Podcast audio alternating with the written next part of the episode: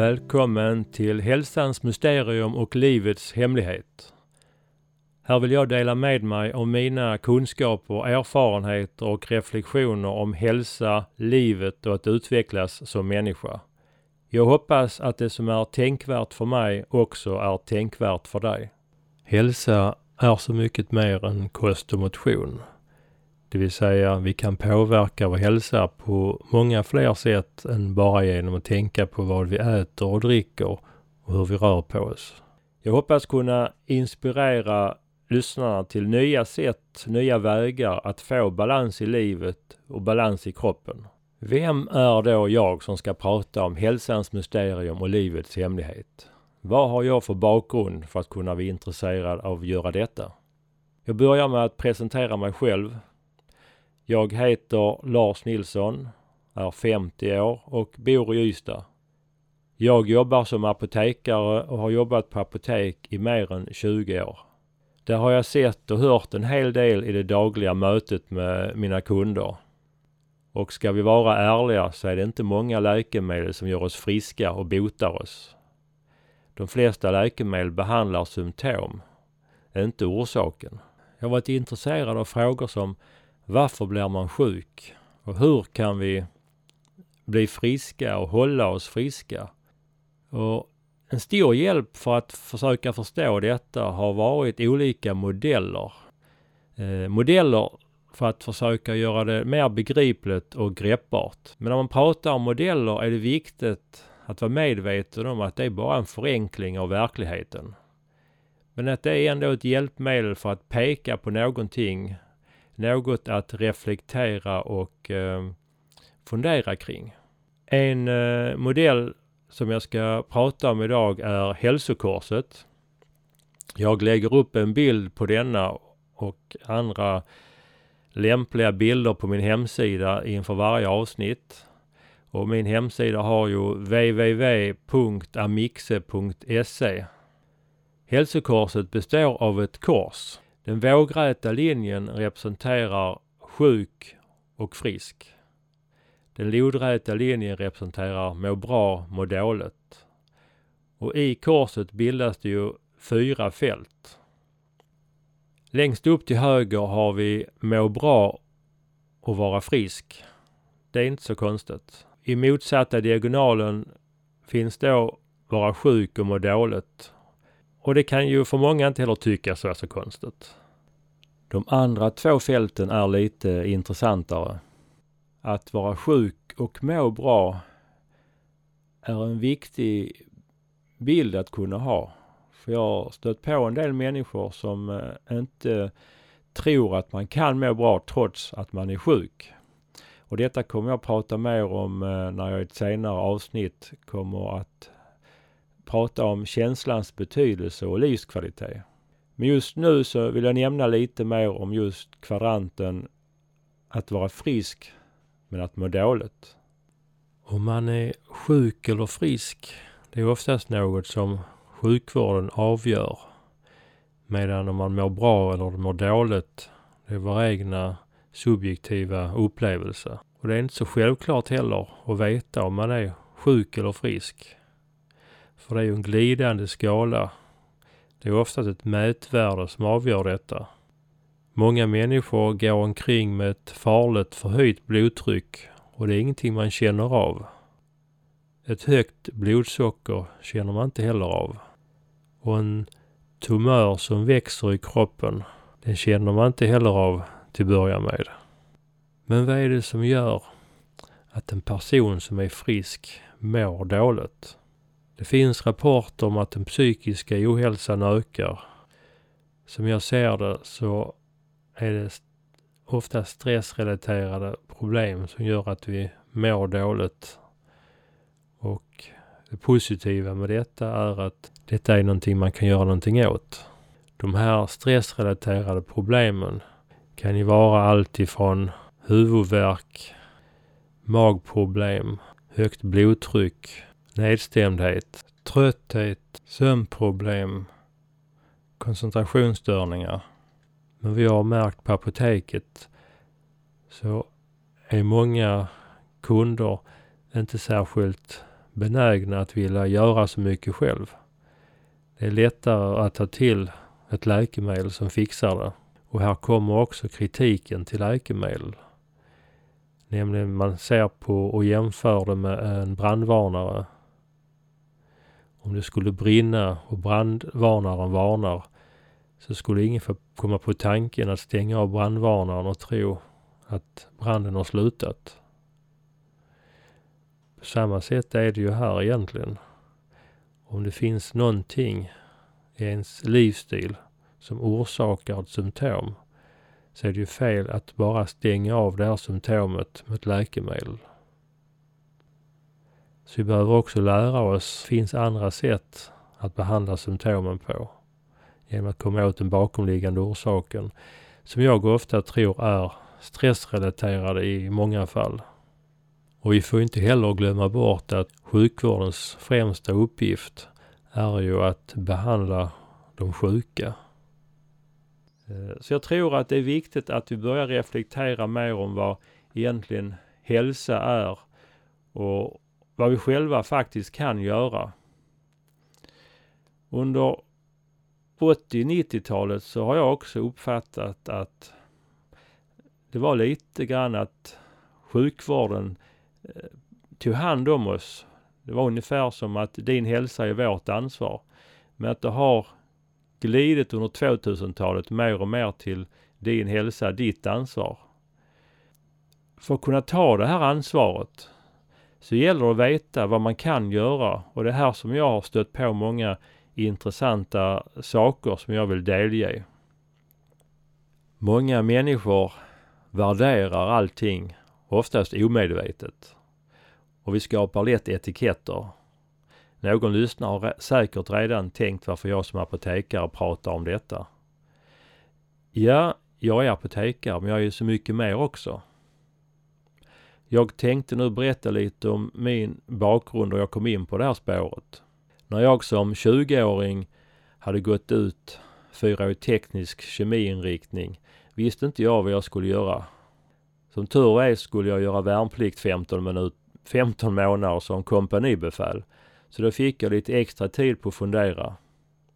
På eh, regementet fanns det ju en syokonsulent ibland och eh, där fanns lite broschyrer. Och när jag gick där och tittade och läste vad jag skulle fortsätta med så fann jag en broschyr om apotekarprogrammet och tyckte det verkade spännande. Det var ju väldigt mycket kemi. Och så handlade det om människan. Och läkemedel tyckte jag det verkar ju spännande. Och på den tiden tror jag att jag tänkte som så många andra att läkemedlen var ju på framfart. Man trodde mycket på läkemedlen i framtiden. Och det var med läkemedel som man skulle hjälpa människor till ett bättre liv och att bli friska. Så sagt och gjort. Jag sökte till apotekarlinjen i Uppsala och läste där i fyra och ett halvt år. Det var väldigt intressant och spännande att läsa om kroppen och hur läkemedel eh, påverkar vår fysiologi.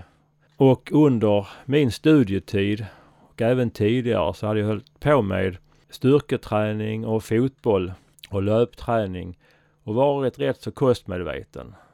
Så hälsa för mig hade ju varit det som jag tror många förknippar med hälsa, nämligen att röra på sig, träna regelbundet, tänka på vad man stoppar i sig, sköta sömnen. Men det var efter utbildningen som min riktiga resa egentligen började. Efter min examen 1992 började jag jobba på läkemedelsindustrin på Astra Daco i Lund med astmaforskning. Då hade jag läst i över åtta och ett halvt år och var lite trött på att plugga. På min avdelning på Astra fanns en spännande person som hette Benny Johansson. Han är klinisk kemist och jag lärde känna honom mer och mer. Han var intresserad av mental träning. Han mediterar sedan ett tag tillbaka och var intresserad av hur mentala processer och vi på andra sätt kunde påverka vår fysiologi och biokemi.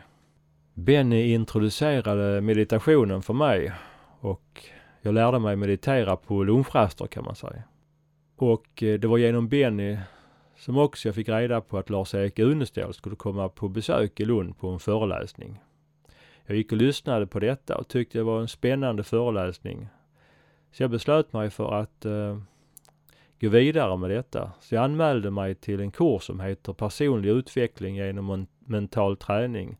En 20-poängskurs på Skandinaviska ledarhögskolan i Örebro där Lars-Erik Unestål är rektor sedan många år tillbaka. Och detta kan man säga blev starten.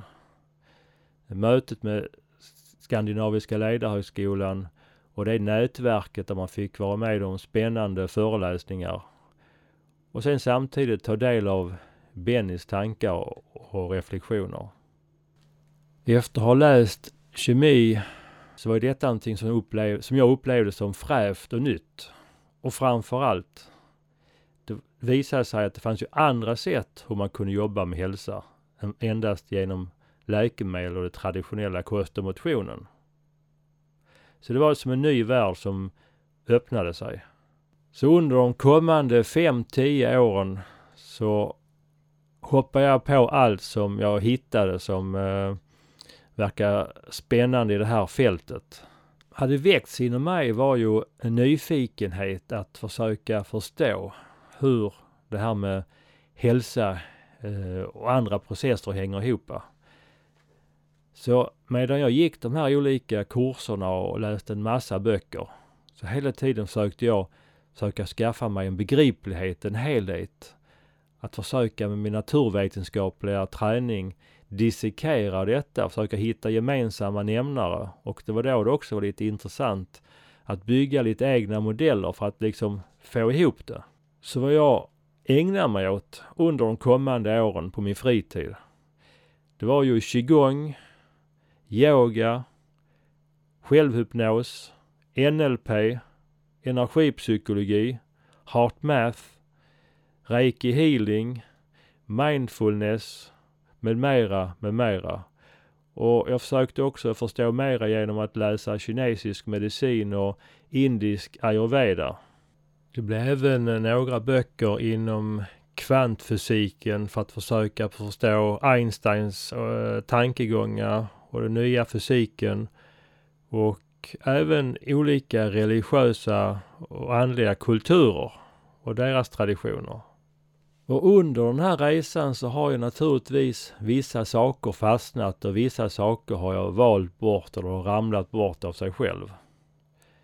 Läkemedelsutvecklingen och utvecklingen i vårt samhälle så har ju väldigt mycket gått mer och mer åt det specifika, åt specificitet. Ett tag förr i tiden trodde man på att man kanske kunde hitta ett magiskt piller. Ett piller som kunde kunna bota och fixa allt. Men med tiden har man ju mindre och mindre trott på detta. För att med läkemedlens utveckling så har man sett till exempel antibiotika. Där har man ju en viss specificitet. Vissa antibiotika dödar ju vissa bakterier men inte andra. Och vi har moderna blodtrycksmediciner som påverkar specifika enzymer. Så därför kan man säga att eh, många idag tror ju inte på att det kommer komma ett magiskt piller. Men nu är det lite fascinerande för att när jag började läsa det här alternativa så har jag faktiskt funnit att det finns ett magiskt medel. Och det är kanske inte vad det låter som. Men jag skulle vilja nämna det inre lugnet. Den inre stillheten sinnesro som kanske det viktigaste magiska pillret som vi har haft och kommer att få. Det inre lugnet påverkar vår hälsa. Det skapar en funktionell balans i vårt nervsystem och i vår fysiologi och även hormonsystem. Det inre lugnet, det är motsatsen till stress. Har man det inre lugnet så är det en form av hög livskvalitet. Det inre lugnet underlättar sömnen, ger oss bättre sömnkvalitet. Det inre lugnet hjälper oss att tänka klart, att vi ej gör förhastade beslut.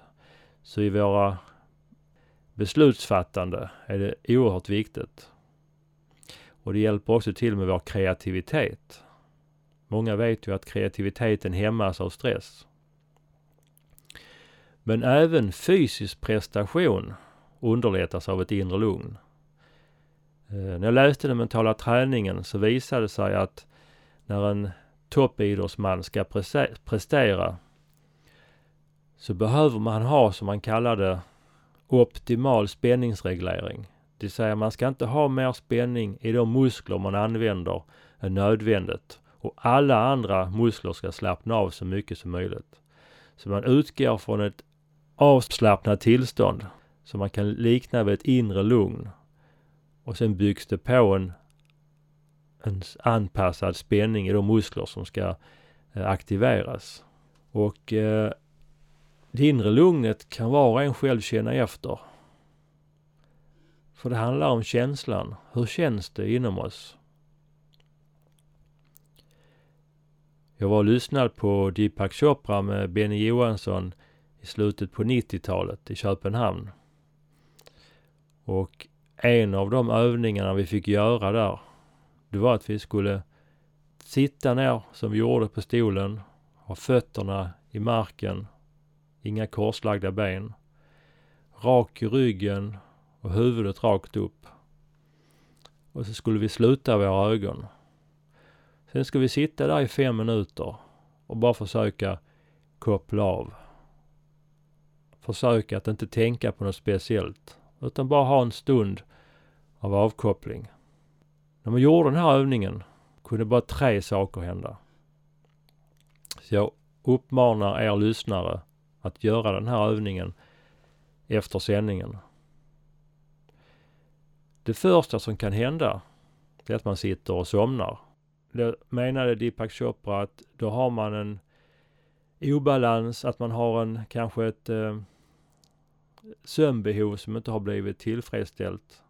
Då får man se till att sköta sin sömn, gå och lägga sig tidigare, se till att få de timmar man behöver under en två veckors period. Och sen gör man om försöket. Och när man då sätter sig ner igen, då förhoppningsvis somnar man inte i alla fall. Och då kan bara två andra saker hända. Och det som kan hända är ju att man känner någon form av oro, rastlöshet, inre spänningar. Och det kan då yttra sig dels fysiskt i form av att man kanske sitter och hoppar lite med benen och rör på fingrarna lite otåligt och tycker att det känns jobbigt att sitta stilla. Och det kan också yttra sig i våra tankar i form av att man sitter och tänker att det här är långtråkigt, det är jobbigt, det är meningslöst för att man inte förstår syftet med den här övningen. Och pustar och suckar. Och känner man så här, det sa Deepak Chopra på sin härliga indisk-amerikanska Then you need to learn to meditate. För han menade att kan man inte sitta fem minuter och bara koppla av så har man en obalans som man behöver göra någonting åt. Och om man inte somnar och inte känner oro så kan bara en tredje saken hända. Nämligen att man sitter och har det lugnt och skönt en stund. Så det här inre lugnet är oerhört viktigt. Så jag tror att detta kanske vore en eh, modell att ta till sig inom sjukvården. Att läkaren kollar varje patient och frågar hur det är med det inre lugnet. Det är kanske den enskilt viktigaste faktorn för att avgöra framtida hälsa. Så därför kommer jag prata rätt mycket i de kommande sändningarna om hur vi kan komma till det här inre lugnet. För det handlar egentligen inte om att skapa det inre lugnet. För det inre lugnet finns redan inom oss. Det är ungefär precis som ett djupt hav. Hur mycket det än stormar på ytan så är det alltid helt stilla och lugnt längst nere på havsbotten.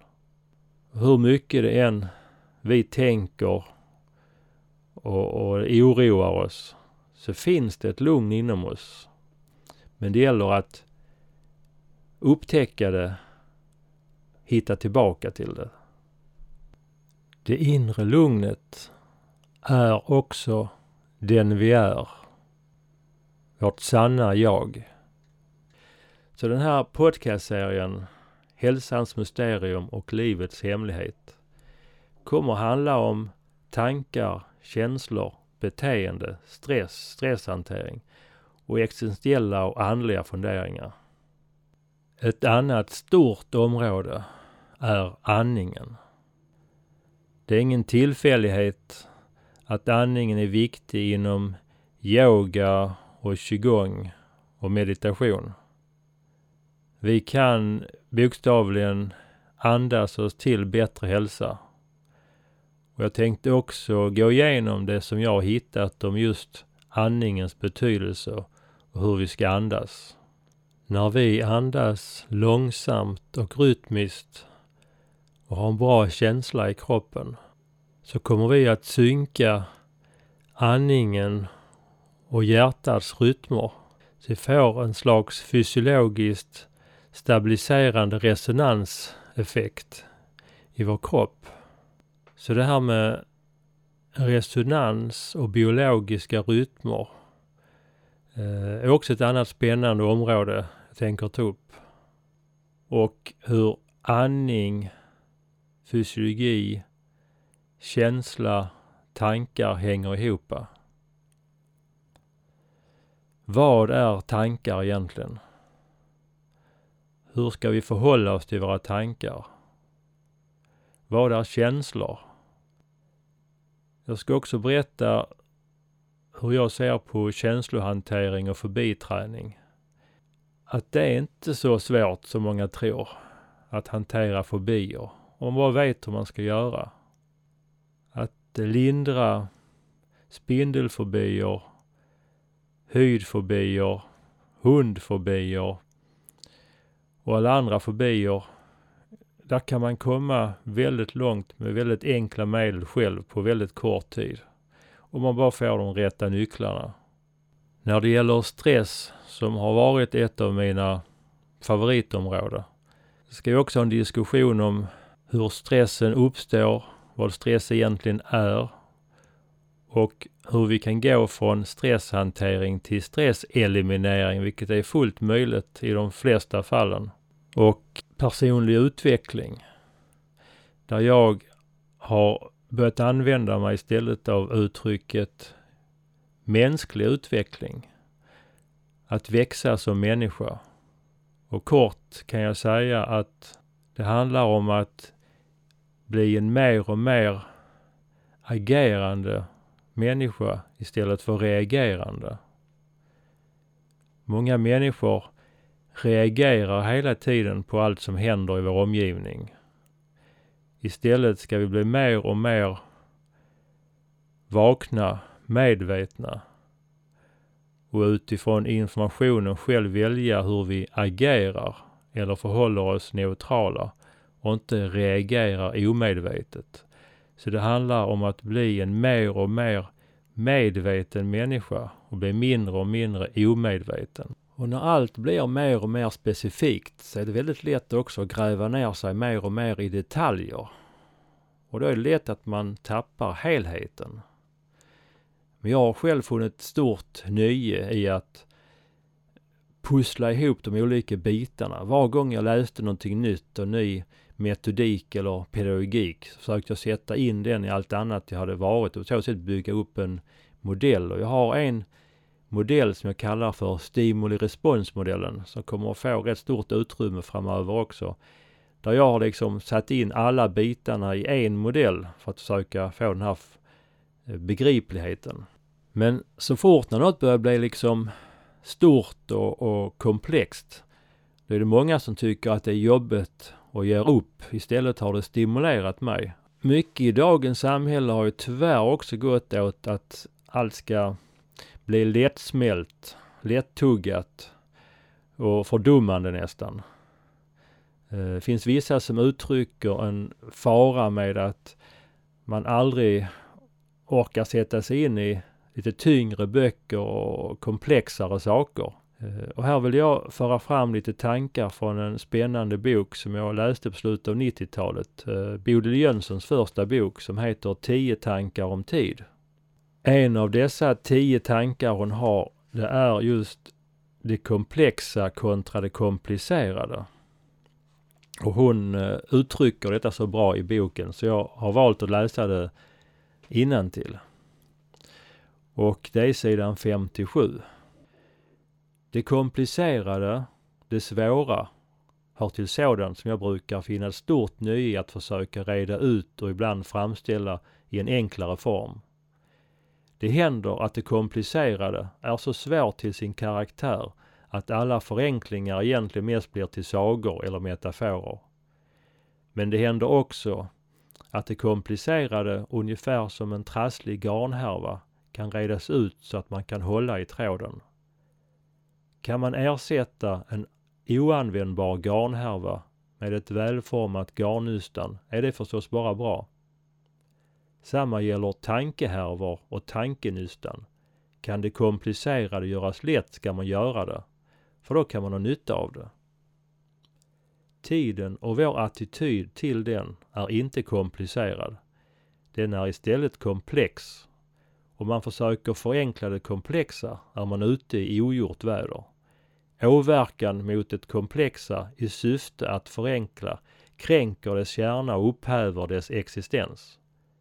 Om det komplicerade kunde liknas vid ett garntrassel som kunde redas ut så kan det komplexa liknas vid en bildväv. Drar du ut trådarna ur bildväven så fördärvar du både mönster och form. Just så är det med tiden. Endast respekt för dess komplexitet leder dig vidare. Förenklingar gör sig icke besvär. I det komplexa måste man tassa runt, vrida, vända och betrakta från olika håll. Slut citat. När jag läste den här boken så höll jag på just att fundera mycket över olika bitar om hälsa och, och livet. Och här tyckte jag att Bodil Jönsson slog huvudet på spiket. För att hon menade ju att tiden är komplex.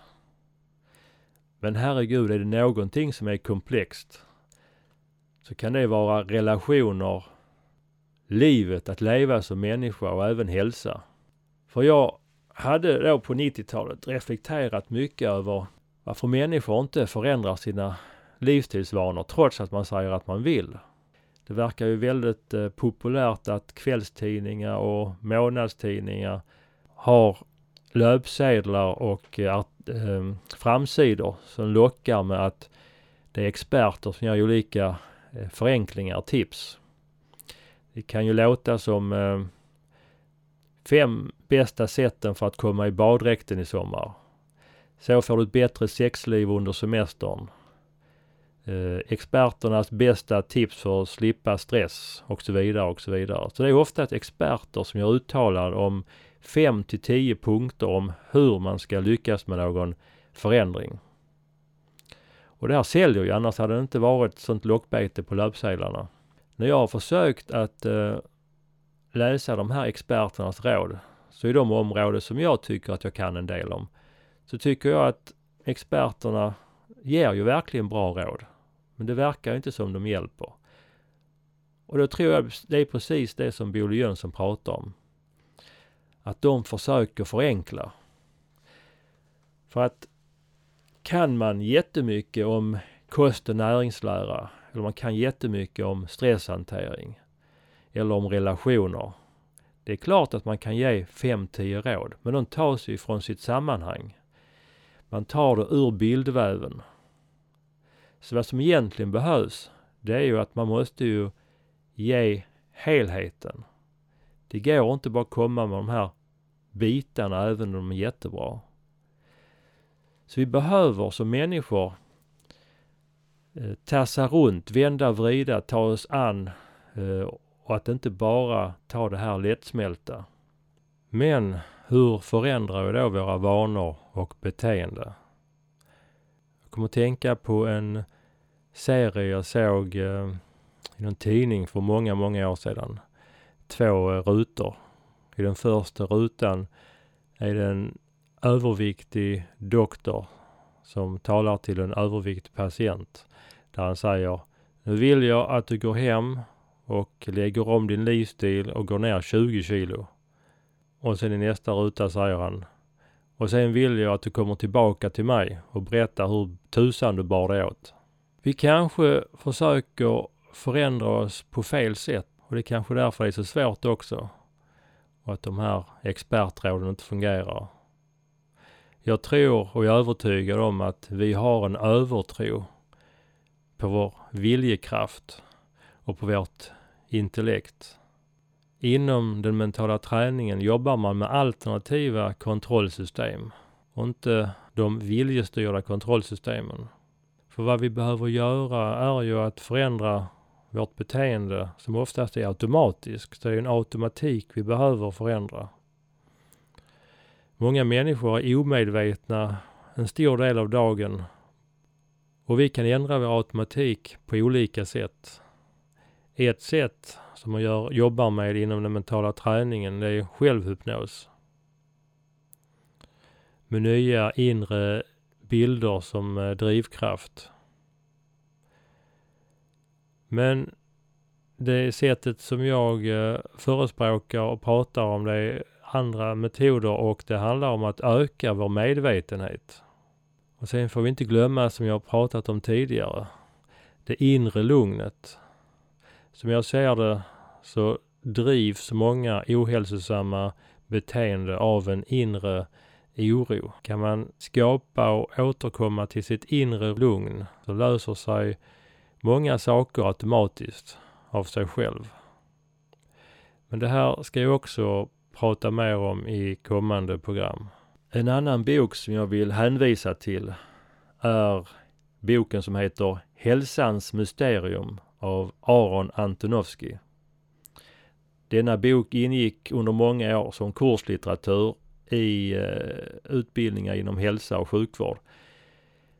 Och eh, Aron Antonovsky han studerade kvinnliga judar som hade suttit i koncentrationslägret. Så sökte han upp dem 20 år efter att de blivit frisläppta. Och han kunde naturligtvis då konstatera att efter den här hemska upplevelsen så var det några som aldrig hade återhämtat sig.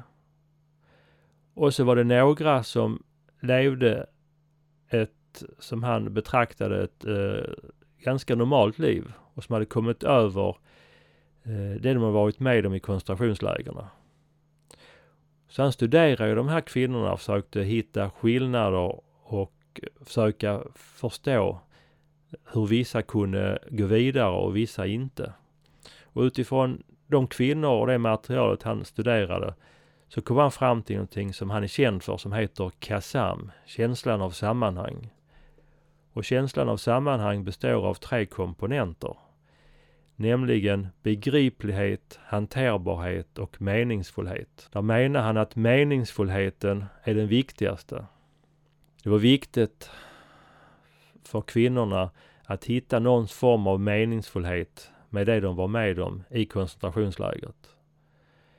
Eh, ett vanligt svar kunde ju vara att de skulle överleva till varje pris för att de ville berätta för, efterle- för eftervärlden eh, vad de hade varit med om.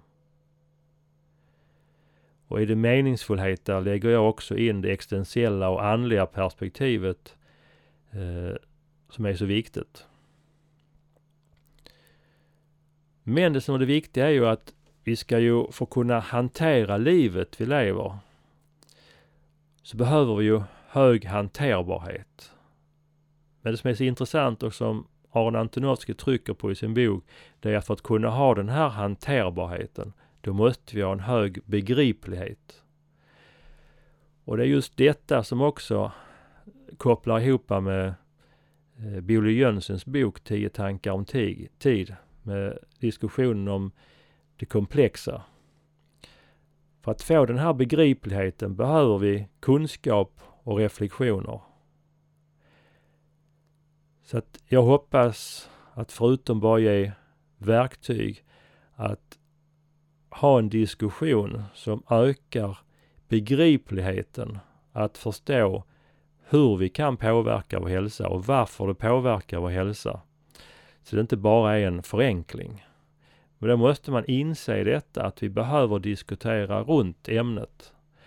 Så mycket av det jag kommer att prata om i de kommande avsnitten är ju samma saker men man uttrycker det på olika sätt.